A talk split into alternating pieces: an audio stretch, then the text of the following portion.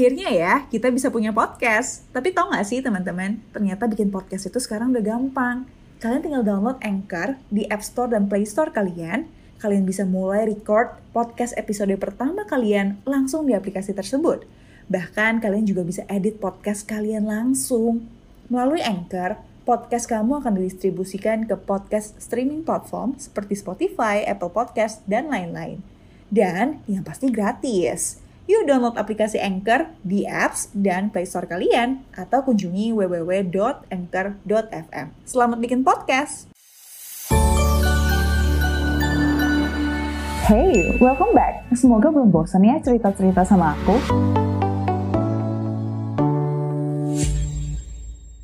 Jadi lo harus ikutin gaya gue bang ya kayak Hai semuanya gitu ya. Harus ceria, jangan flat, oke? Hai, Hai semuanya, semuanya. balik lagi ke channel aku. Semoga kalian baik-baik ya di sana. Hari ini ini series baru di YouTube aku. Jadi aku mau bikin series eh, 100 juta ya. Aku bakal ngundang banyak orang yang sudah mencapai income 100 juta per bulan nih. Nah, ini narasumber kita yang pertama, teman aku sendiri juga. Kenalin dong, namanya Oh good, mudah cuma sekali. Oke, udah terkenal lah ya, pasti udah tahu yang ngikutin kontennya. Jadi kalau kalau eh, belajar apa nih bang di muda cuma sekali? Mudah cuma sekali belajar social media marketing sama content creator. Oke, yang mau jadi content creator eh, bisa belajar di muda cuma Muda sekali. Cuma Sekali. Gitu ya. Oke, nah jadi hari ini kita akan ngebahas gimana nih perjalanan Bang Ogut ini dari income dia pertama kali sampai dia bisa mencapai em, 100 juta per, Per bulan, bulan, iya. pertamanya. Oke. Gitu ya. Oke, sekarang ini dulu ya biar kita nggak mengecewakan audience. Boleh juga nih kayak cerita dulu usianya berapa?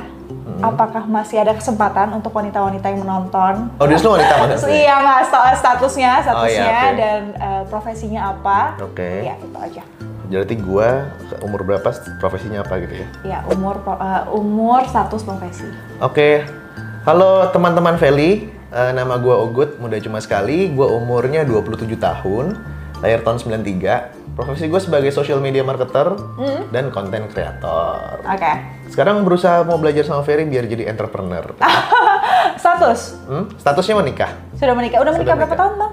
Tiga tahun ya, 2018 November. Oke, jadi udah menikah ya. Hmm. Nanti bisa dua kali gitu enggak? Enggak, enggak. Satu aja. Satu aja cukup. Soalnya cewek ini, Marisa ini nemenin gue dari nol, nggak punya apa-apa. Ah, Oke. Nah, Bang Ogut, boleh nggak cerita kayak pertama kali lo dapet income tuh kapan sih? Di umur berapa? Berarti pertama kali gua make money by my own self gitu ya? Iya. Bukan dikasih sama nyokap Bukan ya? uang jajan, bukan uang beasiswa. Jadi, Oke. ya. Kalau kata nyokap gue sih pertama kali playgroup katanya. Oke. Serius, jadi kayak gue mau beli sesuatu terus nggak dikasih sama bokap gua, playgroup apa TKA gitu ya. Terus gue minta duit dari nyokap, Aha, gue beliin kelereng, gundu, aha. kelereng gitu, sepak ini, terus gue pecah-pecah, gue jualin ke teman-teman gue biar gue beli es krim kalau nggak salah. Oh. Gitu terus Itu diajarin orang tua lo, atau lo Nggak- sendiri? katanya katanya sih nggak diajarin ya cuman anggap itu bullshit lah Oke. karena kan gue nggak belum ada consciousness gitu ya belum Iya. ada kesadaran tapi yang gue inget yang pertama kali gue dapet itu 2000 rupiah di kelas 2 SD jadi gue nggak dikasih jajan nih sama orang tua Ah. ya kan karena gue cuman sekolah tuh zaman dulu SD tuh cuma sampai jam 12 siang ya Aha. Nah waktu itu di kantin ada cakwe. Enak banget. Ah. tapi gue nggak bisa minta sama temen gitu. Eh, apa nggak bisa beli karena nggak dikasih uang jajan. Sampai akhirnya gue minta terus sama temen sampai akhirnya gue dihina.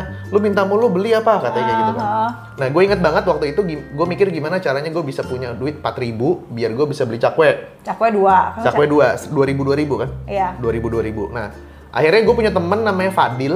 Ah. dia tuh jago banget gambar Dragon Ball gambar kartun Dragon Ball terus gue punya temen yang namanya Jerry anak pramugari eh pramugara uangnya banyak Aha.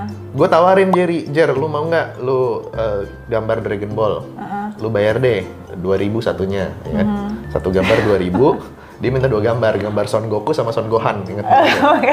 nah terus gue suruh Fadil Aha. Deal, eh, tolong gambarin Dragon Ball dong. Gua bayar gope Aha. 500 perak karena dia eh, suka gambarin anak-anak gratis. Nah Oke. kalau gue kasih gope, akhirnya dapat dua gambar, gue dapat 3.000 rupiah. Akhirnya itu gue gue bisa beli cakwe di situ. Itu Oh, pertama Emang kali si gue Fadil sama si Jerry ini nggak kenal? beda kelas. Oh beda kelas, nggak Beda kenal kelas. dong. Dia cuma tahu doang gitu loh.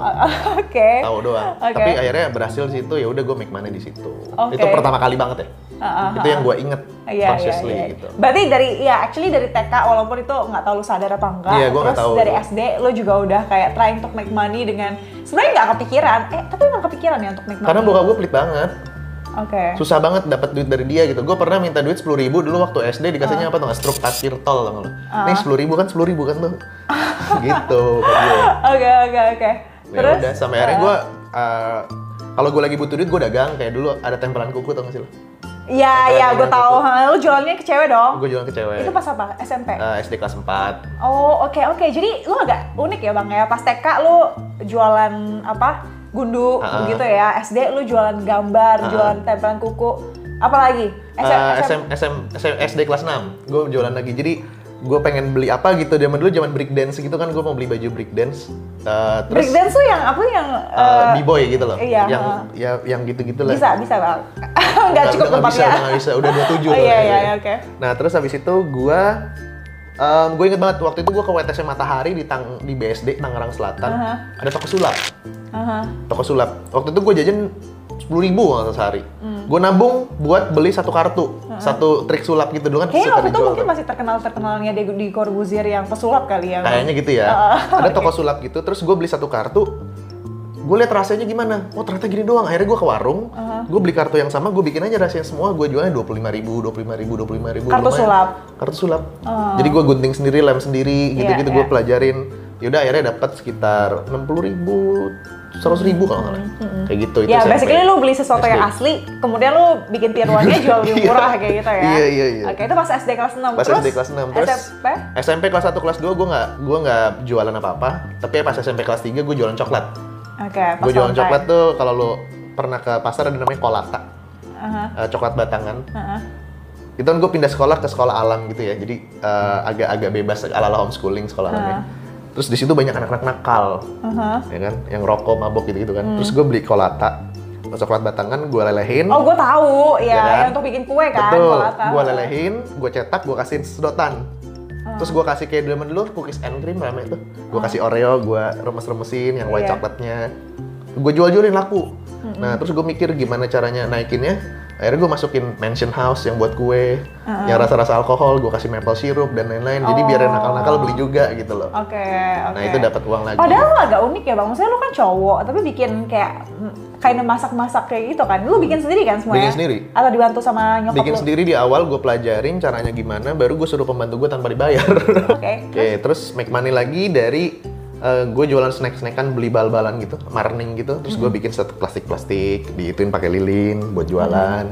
Terus eh, kebetulan nyokap gue baik waktu SMP gue dikasih mobil sama supir. Heeh. Eh, Mobilnya katana gitu, supirnya biasa gitu.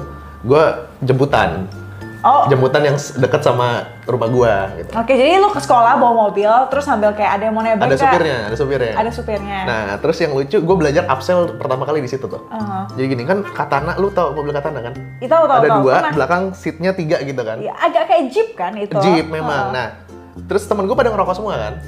Terus gue tawarin, lu mau nggak ngerokok di depan? Kalau mau bayar lima ribu, gue bilang kayak gitu. Jadi udah bayar depan. seputan, bayar lima ribu juga. Buat ngerokok dua batang, jadi gue mundur ke belakang, dia ke depan, habis itu gantian lagi. Oh. Kayak gitu. Oke, itu pas apa? SM Pas SMA? SMP, SMA Oke. Terus SMA lagi gue sempet cuci sepatu. Jadi eh, sebelum ada rame laundry sepatu, em, kan sekolah gue sekolah alam, suka ada outbound. Iya. Nah, Oh, sepatunya suka kotor. sepatunya suka kotor. Ah. Terus gue mikir, aja gue lagi butuh duit pengen beli baju, pengen beli gitar waktu itu. Ah. Pengen beli gitar, gimana caranya ya? Oh iya, kalau misalnya orang pulang outbound kan kakinya nggak enak kalau misalnya pakai sepatu kotor kejemputan. Akhirnya gue Jual tawarin, gue gue datang ke sekolah bawa karung. Ah. Weh, yang sepatunya kotor sini, taruh sini aja, gue cuciin 20 ribu sepasang. Ini gue pinjemin sendal swallow. Gue beli sendal swallow 20 pasang gitu kan. Sendal swallow nih, ya kan? Nanti lu pulang eh, pakai sendal swallow, enak, bersih, lu bayar 20 ribu, balikin sendal swallow gue, gue kasih sepatu lu. Itu. Itu sampai SMA terakhir itu. Itu, it- oke. Jadi jo cuci sepatu sama ya sama tukar swallow itu uh, make money terakhir lo di masa sekolah gitu Mana ya. sekolah ya? Ya. Jadi lu dari TK, SD, SMP sampai SMA lu nggak pernah melewatkan kesempatan untuk jualan gitu ya bang ya? Iya. Tapi actually kenapa sih lu kayak mau banget make money pas lu masih sekolah? Pas sebenarnya itu kan zaman-zaman lu untuk belajar gitu. Misalnya apakah dari apa background keluarga atau Hmm. atau lu punya Karena waktu itu enakan make money daripada belajar di sekolah sih kalau menurut gue ya. Hmm, Dan kebetulan nyokap bokap gue rada strict sama keuangan, jadi nggak nggak gampang ngasih duit gitu loh. Nggak. Jadi ya kalau untuk basic necessity ya dikasih. Gitu. Oke. Maksudnya gue sekolah juga nggak sekolah yang dihempet-hempetin budgetnya enggak, tetap Ah. bagus. Tapi kalau untuk kayak beli baju distro, terus kan dulu gue ngeband beli amplifier, Oh, beli iya. efek, beli gitar itu yang nggak dikasih gitu. Oke. Jadi gue harus mikir gimana caranya. Actually ini relate banget sih sama teman-teman yang mungkin masih sekolah. Pasti selalu ada jalan ya.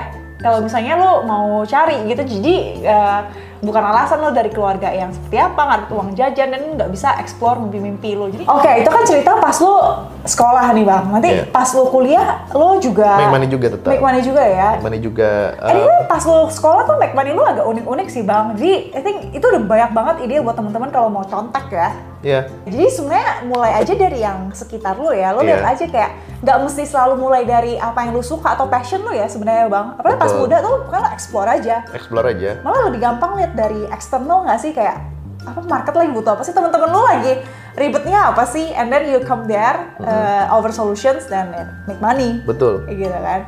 Oke, kemudian pas pas lo kuliah bang. Pas kuliah make money-nya satu gue jualan maici. Keripik Oke. maici zaman dulu maici itu cuman uh, bisa dijual sama jenderal. Ya, jenderal ya, maici ya, yang ya. dipakai mobil-mobil gitu. Benar-benar. Gue kuliah di UPH.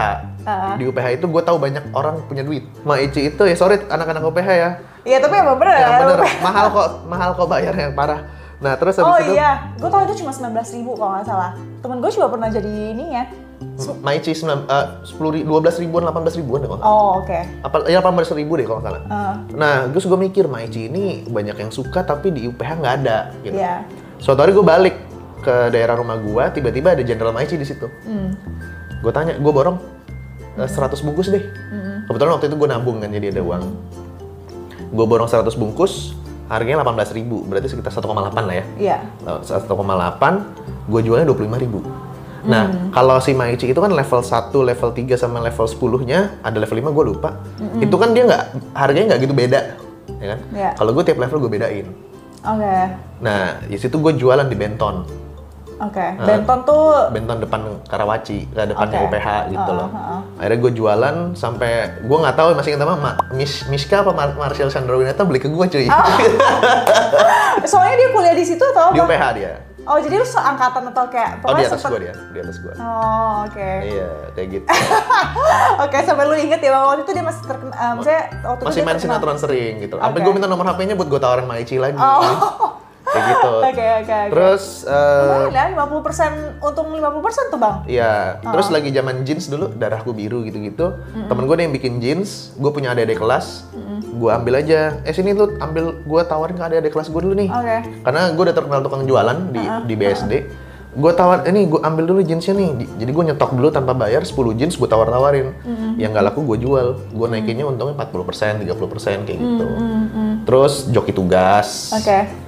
Eh, Berarti jasa dijabanin jualan barang juga gas gitu ya kayak iya karena nggak milih-milih ya. Yang penting yang dapat cuannya ya bang ya. Iya, karena gue nggak duit gue terbatas gitu dari orang tua jadi Oke, gue harus mikir oke. kan Tapi kayak gitu bang, dari lo eh, TK sampai dengan lo kuliah, lo banyak jualan macam-macam itu, berarti pas lo lulus kuliah nih bang, sebelum benar-benar kerja, itu kira-kira kan tabungan lo ada berapa bang?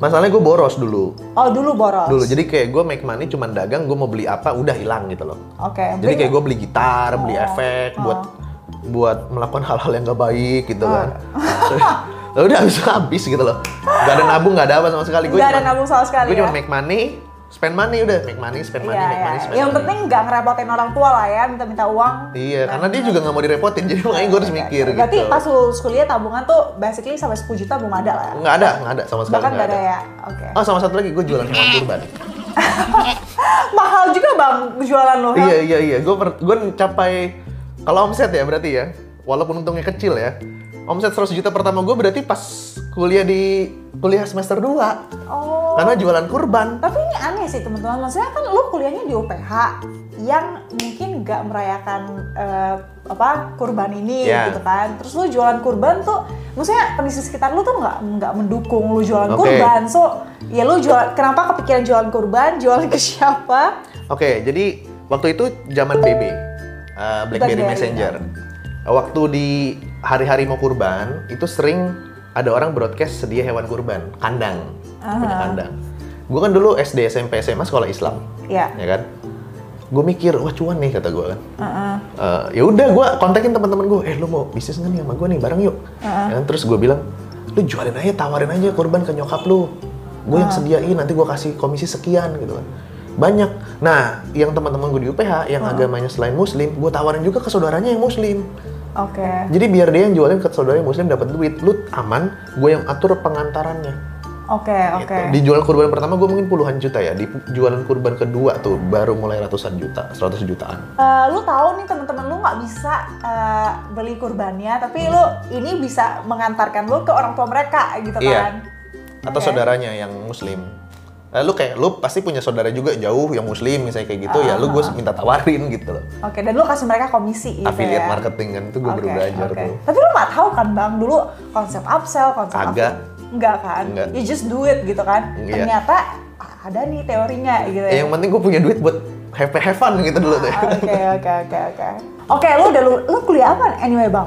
gue kuliah tiga eh, ekonomi dua kali. Pas S1 maksudnya? S1 dua ekonomi sama hukum. Ekonomi sama hukum di UPH. Hmm, Oke. S2-nya ekonomi di ITB, MBA. Emang langsung S1 selesai langsung ke S2 gitu ya? Atau sempet kerja dulu? Enggak, gue langsung S2. Oh, gue bisa S2. dapat dua gelar gara-gara uang jajan. Uang jajan jadi nyokap gue nawarin mau nggak kuliah Sabtu, kuliah hukum, mami tambahin uang jajan katanya. Oh. Gue tetap dapat jajan. Pas S1 nih ya, Pas S1. sebenarnya oke. Ya udah, makanya gue ambil. Jadi makanya gue gelar tiga kebetulan gitu lah. Oke, karena bisa dapat uang lebih banyak. Iya. Kalau nggak ditawarin uang lebih banyak nggak mau ya? Nggak mau ngapain. Oke oke, jadi S1, habis itu langsung lanjut S2 di ITB ngambil ekonomi. Betul. Gitu. So, berarti lu lulus tahun berapa bang? 2013. 2013 lulus S2, S1. S1. S2 2015. Oh tadi S1 kan lu jualan maici ya kan bang? Terus juga jualan apa lagi? Hewan kurban. Hmm, Iya. Kalau S2? Ah, S2 ini rada seru, gue nggak banyak jualan. Ah. Karena gue berimajinasi dengan case study case study yang diberikan sama fakultas. Oh, oke Jadi gue nggak banyak ya. jualan ya. Gue beneran belajar Berarti finance susah ya bang ya di lain-lain. S2 ITB ya bang? Gue nggak bilang susah sih. Kul- sekolah nggak ada yang susah kok. bisa jual. Sekolah nggak ada yang susah kok. Itu buat have fun kok soalnya itu. Oke oke oke. Jadi eh, di S2 itu bedanya sama S1. Kalau S1 kan banyak teori ya, ngapalin dan Iya. lain-lain. Kalau S2 itu bener-bener kayak ngebedah kasus. Gue sukanya. Oke, oke. Kan lu selama ini udah track recordnya tuh jual segala macam barang gitu loh ya. Apa aja lu mau ada gitu kan di Bang Ogot. Jadi pas lu selesai kuliah, S2 itu jualan Oke. atau kerja atau gimana? Oke, jadi gue untungnya dari SMP udah tahu. Oh, gue kayaknya ini emang dagang nih. Akhirnya ya, kita bisa punya podcast. Tapi tau gak sih teman-teman, ternyata bikin podcast itu sekarang udah gampang. Kalian tinggal download Anchor di App Store dan Play Store kalian. Kalian bisa mulai record podcast episode pertama kalian langsung di aplikasi tersebut. Bahkan kalian juga bisa edit podcast kalian langsung.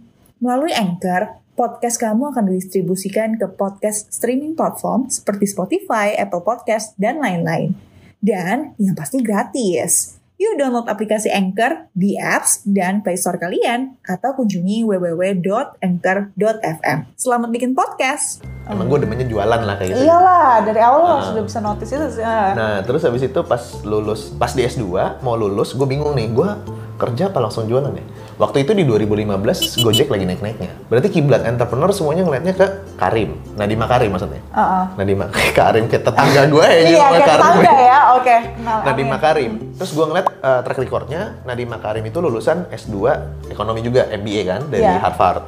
Terus gue pikir, oh udah mirip nih, walaupun Harvardnya Indo lah ceritanya Iya, gitu ya. iya, iya, benar benar benar. Habis itu gue ngeliat lagi Nadim setelah itu kerja di McKinsey. McKinsey Con- Consulting kan. Iya. Akhirnya gue tes uh, daftar ke McKinsey diterima daftarnya karena Udah sejalan nih Udah sejalan. sama si Nadim Ah, ya.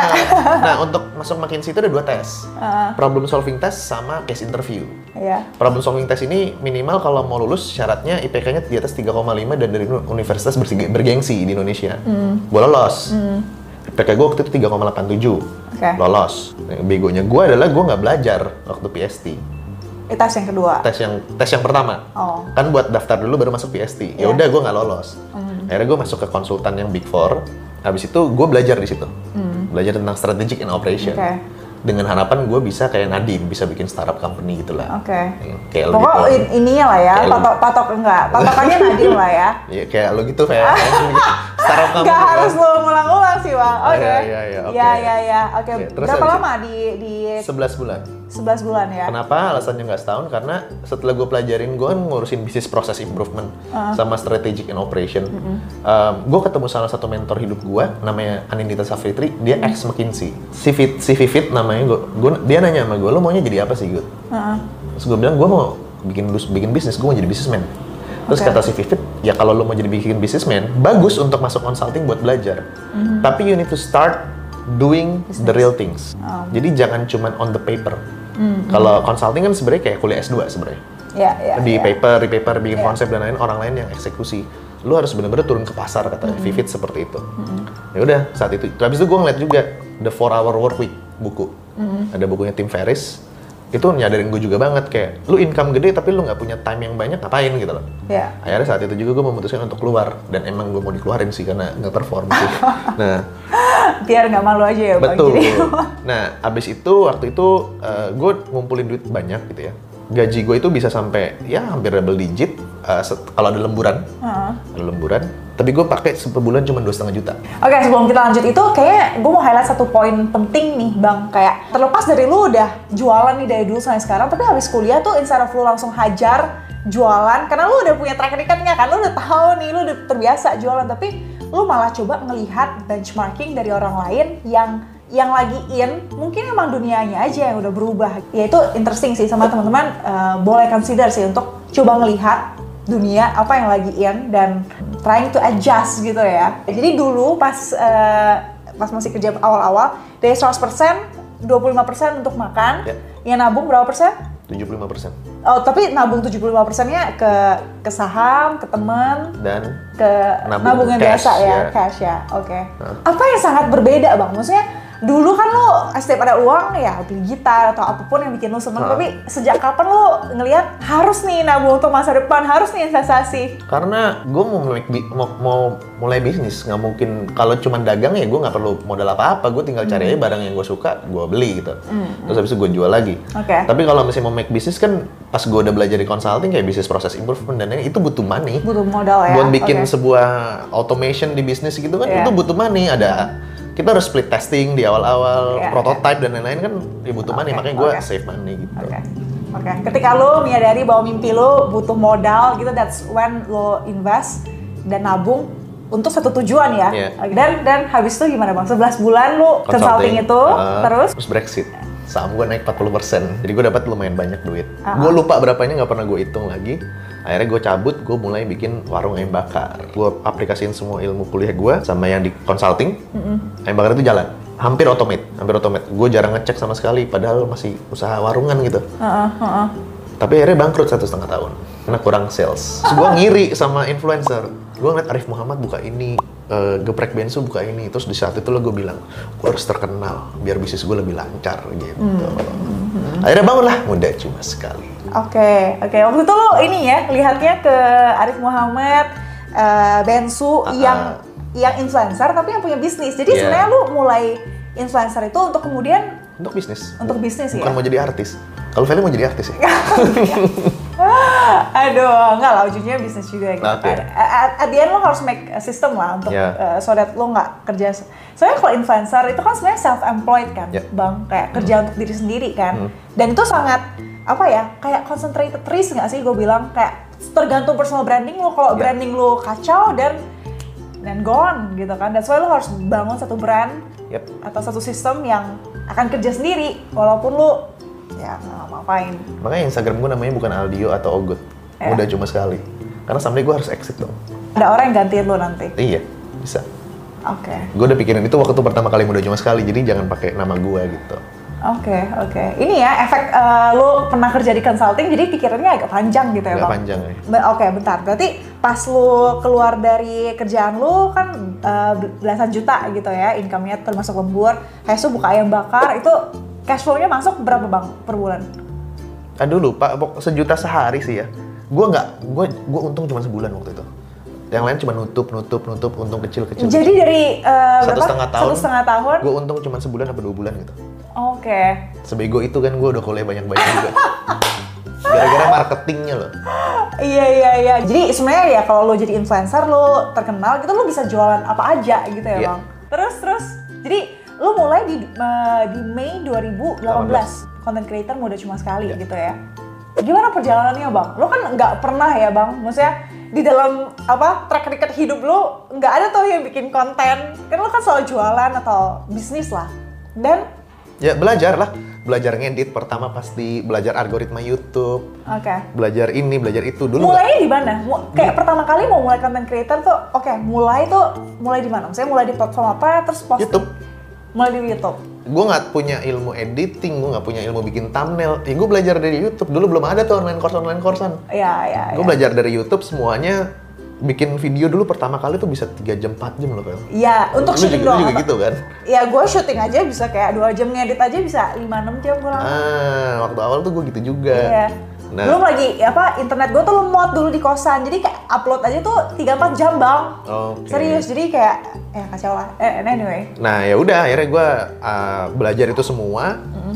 dan gue lu tau gak sih gue 100k itu belum punya kamera belum beli kamera ya Oke. sampai 100k subscribers gue nggak beli kamera gue pakai kamera Marisa Oh, which is- Marisa adalah eh, istri gue sekarang ya sekarang. gue pakai kamera Marisa jadi Menikah pas kapan? Menikah pas? nikah di 2018 November Oh, oke, setelah content creator dong. setelah konten kreator dan belum ada uang sama sekali Oh, oke. AdSense-nya belum turun karena surat dari AdSense-nya belum Iya, datang iya, Vel, iya, ya kan? iya, udah. Jadi sebenarnya nggak nggak mesti punya kamera ya untuk mulai lu bisa pinjam. Sama bang, gue juga kayaknya gue juga sampai sampai gue resign, which is kayak 150 ribu gue belum punya kamera sendiri. Tapi basically lo nggak mesti punya modal yang gede-gede banget bang untuk mulai ya nggak sih? Lo cuma perlu niat aja dan agak kreatif minjem di mana, Hmm. ya kan? Mudah nggak bang mulainya? Maksudnya untuk ng- ngumpulin followers, subscribers. Cuman sekarang banyak yang mau jadi content creator, tapi kan nggak semudah itu ya bang. Enggak ya, ke gue 10 video dulu nggak ada yang nonton. Even gue udah semua grup angkatan gue, sampai angkatan bawah gue yang SMA, kuliah, gue broadcast semua tuh. Gue gue broadcast semua tetap aja ada paling ya karena gue rajin broadcast mungkin dapat 700 views gitu. Oh, oke. 500 views gitu. Hmm, itu gue pernah yang satu pas video-video awal tuh ya gue nontonin sendiri karena gue tau kalau lu nonton sendiri pakai satu account tuh bisa terhitung sampai 200 ka- kali views. Eh, Oh, lu harus tahu sampai sekarang istri gue nggak nggak nontonin video gue loh. serius. nggak nontonin yang bener-bener nonton gitu cuman oh ini videonya oh udah gitu. Nah terus suatu saat gue lagi ke Balikpapan kan ke tempat Marisa kan istri gue Marisa itu punya eyelash extension. Jadi gue pacaran sama cewek yang lebih kaya basically dari gue dan nikah sama cewek yang lebih kaya waktu itu gue kosong banget lah. Iya. nah terus eyelash extension dia lagi ngerekrut karyawan. Karena gue pernah bikin modul untuk rekrut eh, karyawan di waktu gue kerja. Iya. gue bantuin. Gue mikir ya udahlah kenapa nggak di videoin aja. Sekalian. berguna juga nih kayak ini buat orang-orang nih. Kan Iya. banyak yang nggak tahu karena jawabannya para interview interviewer zaman 2018 jawab apa sih kagak jelas gitu loh. Udah gue edit dan lain-lain boom meledak. Sebulan 10k langsung subscribers gue bulan depannya 20k bulan depannya lagi 30k Video apa tuh bang namanya? Kalau cari YouTube? enam pertanyaan jebakan HRD Oke, itu video lu yang keberapa? hmm, 15 apa 13 gitu Setelah berapa bulan jadi content creator? dua bulan Oke. cukup oke lah karena Eh, tapi dua bulan Oke. bikin 10 video banyak juga sih. Ya, lumayan kan nganggur nggak ada kerjaan saya Iya, iya. Dari Mei pas lu mulai sampai kapan tuh lu bang dapet penghasilan pertama dari content creator? Agustus AdSense gua baru turun 15 apa 19 juta gitu lupa 15 atau 19 juta Oh banyak juga ya? ya, kan akomodasi kan akomodasi Eh, iya, akumulasi akumulasi ya. Sekarang sebulan berapa bang AdSense-nya? dua setengah juta Ah, dua setengah Kecil juta. AdSense gua. Oh, karena lu kan jarang upload. jarang upload so sekarang gua kalau upload kecil-kecil aja kecil-kecil viewsnya kok Jadi Agustus dapat AdSense pertama ya bang, 19 Iya. juta. Habis itu? AdSense-nya sekitar 4 juta 5 jutaan ya Uh 4 juta 5 jutaan sampai Katanya 19 juta apaan sih? 19 juta itu kan dari yang Akumulasi kan? akumulasi Oke, kan gue belum dapetin uangnya kan nambah terus saldo AdSense sebelum kita dikasihin itu Iya, maksudnya 45 juta per bulan. 45 juta per bulan itu dari AdSense Iya. iya 4 juta 5 Setelah juta akumulasi itu kan? setelah Iya, akumulasi itu Oke, oke. oke. Itu jadi cut ya biar kita biar tahu Oke, oke. ternyata very pemaksaan loh pengototan orangnya Enggak, ya udah terus terus. nah habis itu gue belajar lagi belajar tentang digital marketing Hmm, belajar di? ikut di Kode Kodeni belajar di Kodeni Deni Santoso. Oke, Nah, gue belajar seminarnya 12 juta waktu itu. Dan itu cukup ya penghasilan segitu gue cukup sakit juga ngeluarinnya. Iya. Tapi akhirnya gue nemu kayak the whole concept of digital marketing tuh kayak gimana. Dan di Hmm. situ gue nemuin, oh modal cuma sekali tuh bisa dikembangin sampai situ. Hmm, hmm. Yang pertama kali gue lakukan adalah gue tawarin jasa ke temen gue yang ikut seminar juga. Gue tawarin untuk bikin YouTube. Oke. Gue yang videoin. Oke. Gue yang videoin. Karena kan gue mulai bikin video, gue tawarin satu video sekitar empat video satu bulan itu sekitar 4 jutaan lah. Berarti lu yang videoin, lu yang ngedit, lu yang semuanya. Pada dari awalnya, setelahnya gue outsource. Jadi gue calo lagi balik lagi kayak Oke, kurban. oke. Heeh. capek gue, gue Iya, males iya, gitu, iya, pengennya iya. rebahan. Pa- Pas awal-awal harus lu yang mulai duluan ya kan? Oh, iya, So iya. that lu bisa duplicate ke... Iya, karena kan gue harus tahu SOP-nya dong, jadi biar Iya, dia kasih benar, tau ke dia benar, gitu loh. benar. Terus habis itu gue mulai Instagram kan di akhir 2018 dan di du- 2019 itu gue udah mulai bagus lah followersnya sekitar 10k. Nah terus habis itu gue mulai dapat endorse pertama kali. Hmm. Endorse gue goceng, eh goceng 5 juta. Oh, oke. Endorse 5 juta, waktu itu followers 10k. Lumayan gede dong. Gede ya? Itu 5 juta untuk apa? Karena gue nego. Waktu itu kekuatan gue adalah gue punya email list yang banyak dari YouTube. Jadi gue bisa broadcast pakai email marketing autoresponder ke mereka. Oh. Itu bargaining power gue sehingga gue dapat harga lebih mahal. Jadi sebenarnya kalau lu mau jual lebih mahal, lu harus add more value gitu ya. Bi- Bisa aja gitu Ya. lu followers, misalnya temen-temen yang lagi nonton followersnya belum sampai 50 atau belum sampai 100k, bisa aja dapat jualan lebih mahal kalau lu ada something Iya. More atau Ya. add-on service yang lu bisa offer ke your betul clients. sekali. Gitu. Lo harus figure out aja itu apa gitu Betul. ya. Dan di 2019 itu penghasilan lu per bulan kira-kira berapa bang dari content creator doang nih berarti? 8 juta kan tadi ya, sama gue buka gue buka jasa Facebook Ads buat UMKM. Dari itu semua lu income per bulan ini kira-kira berapa bang? 15-an sampai 20 lah ya. Nah, terus gue dapetin 100 juta pertama dari Ajaib. Oke. Jadi waktu itu gue nggak tahu ya lo udah di endorse apa belum. Gue di endorse buat YouTube sekali tujuh setengah, tujuh setengah juta kan. Terus dapat koin ajaib. Oh, Zaman dulu tuh. Gue mainin koinnya, gue dapet 75 juta. Koin ajaib yang bisa ditukar sama reksadana 1000, eh 10 ribu, 100 ribu sama sejuta. Oh, heeh. Itu gue mainin dapat berapa koin? 20, 27 ribu atau 22 ribu. Oh, itu alasannya bang, kenapa dia sekarang influencer cuma 20 koin maksimal. Gua rasa gara-gara lu bang. Sorry ya teman-teman. Wah, kacau banget. Oke, dan itu lu benar-benar capai dari ini ya bang, maksudnya dari 2018 sampai 2021 ini kan berarti sekitar tiga tahun doang kan? Mm-mm. Menurut lu kalau misalnya lu kerja ya dulu bang di Big Four itu ya consulting, kira-kira berapa lama lu dapat gaji 100 juta per bulan bang? Mungkin 7 tahun kali ya, 7 tahun, 8 tahun. 7 kali tahun berkarya ya. Actually dengan resign dan jadi content creator dan bikin bisnis sendiri gini sih kayak lu step ladders yang ya 7 sampai 10 tahun lah. Ya, cuman ada resiko yang kita pegang loh. Benar. Sustainability. Benar, Ya benar. kan? Kalau kitanya nggak grow, grow, grow terus Iya. ya nggak sustain. Kebetulan aja nih lu dengar dari mungkin kita eh, one percent lah dari yang resign dan apa bisa Ya. cerita story kayak gini nih. Ya. Ada juga nih orang yang keluar dan Malah kacau. iya malah Ya, kacau malah ada juga gitu. Tapi ya mungkin nggak ada di sosial media kali ya karena kan orang lebih suka denger cerita-cerita kayak gini kali ya. Nah bang, tadi kan udah ngomongin eh, penghasilan lo nih bang. Ya. Di umur segini dan di penghasilan segini, berapa sih pengeluaran lo? Nah, pengeluaran gue ya 8 juta sebulan buat eh, rumah tangga. Pas lo udah nikah nih ya bang, 8, Udah nikah. 8 juta udah penghasilan, apa sih udah pengeluaran satu keluarga gitu. Iya, 8 juta sebulan. Oke. Kadang lebih kalau gue mau La- makan steak atau apa Iya, gitu 8 sampai 10 lah. sampai 10 lah. Oke, wow gila sih 8 berarti. sampai 10. Se- itu itu continuously ya. Iya. Cuma kadang kalau kayak kemarin gue mau bikin studio ya gue spending lumayan gede lah. Iya, Karena invest investment lah. lah. Ah, benar-benar. Gitu. Berarti 80 per, 80 90 persennya lo taruh ke mana bang? Saham, emas, dolar, reinvest ke company pastinya. Oke, mungkin terakhir nih bang, kayak banyak nih di sini yang nonton eh, series 100 juta ini dan Oke. mau banget nih jadi kayak lo gitu kan, atau mungkin banyak content creator, influencer yang baru merintis nih, ini adalah lo yang di tahun 2018 lalu gitu Oke. kan. Eh, apa pesan lo buat mereka yang mungkin masih merintis, yang gajinya mungkin masih UMR, untuk bisa juga income-nya 100 juta per bulan? Beli Instagram hack. Menurut gue buat teman-teman gue yang em, teman-teman Valley yang pengen eh, dapetin income banyak gitu ya. eh, kalau misalnya yang kerja bukan berarti lu harus keluar kerja enggak, tapi kayak eh, ingat kerja itu mau lu usaha sekeras apa pun pasti ada regulasi atau policy kebijakan dari perusahaan yang nggak bisa lu besok langsung naik gaji. Tapi kalau misalnya lu berkarya sendiri, lu bisa dapetin itu gede gitu. Nah, kalau memang lu cocok di dunia kerja ya lu maksimalin di situ dan inget untuk investasi yang bisa kasih return. Study lagi tentang gimana caranya make money more di luar kerjaan lo. Karena kalau misalnya kita punya make money more bener nggak sih Vel kayak kita punya kita punya money lebih banyak buat invest juga akan lebih leluasa. Dan dapetin cuannya juga jadi lebih gede gitu loh. jadi belajar daripada lu mikirin kayak oh apa namanya udah nabung udah oke invest udah oke. Jangan cuman sampai situ. Tapi lu harus cari lagi. Lu bisa ngalirin duit dari mana lagi nih buat gua? Malah menurut gue pas awal lu jangan nyari uangnya tuh dari invest sih. Invest produk keuangan ya maksud gue ya. Pas awal-awal lu tuh harus naikin aktif income lu. betul iya. Kalau invest menurut gua setelah lu punya uang sih baru invest bukannya lu invest untuk Untuk kaya untuk, gitu ya. Untuk dari nggak punya uang jadi punya uang. Iya. Karena invest itu kan kalau menurut gue setelah udah ada dana darurat, udah ada asuransi, baru lu invest lah, lu Benar, pikir itu lah. benar, benar. Daripada kayak gitu, jadi mendingan lu cari, bela- lu belajar ilmu yang bisa ngasih duit lebih banyak ke Hmm. lu. Contohnya jadi content creator. Nah, bisa belajarnya di Instagram hack di bawah. Promo boleh kan? iya Promo boleh. ya? Nanti ada promo code. Ada Instagram hack, uh, Ada pakai kodenya lu. ada ya? Ada Oke. affiliate value kan?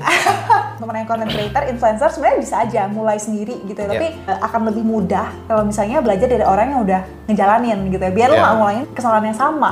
Iya kayak murid gue, gue baru bisa capai kayak gini tiga tahun. Tapi ada murid yang udah 60% 70% gue dalam waktu under setahun. Bahkan dia bisa bayar uh, namanya Alpha Wars Yuda, dia bisa bayar istrinya lahiran Cesar Cash, Oke. bikin komputer gaming. Setelah jadi content creator Setelah berapa jadi content creator sebelum setahun, belum setahun. belum setahun dan waktu pertama kali jadi content creator baru nikah kena pandemi nggak ada job, di tabungan tinggal 200 ribu. Abis beli Instagram.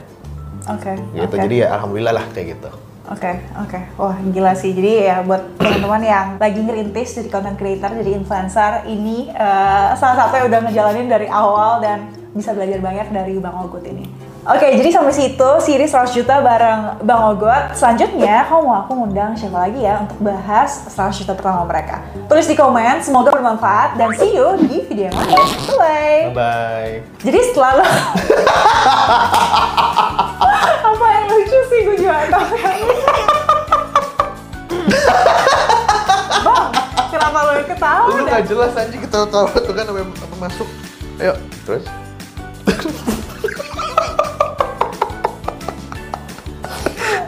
Gak boleh, gak boleh. Ayo, ayo, ayo.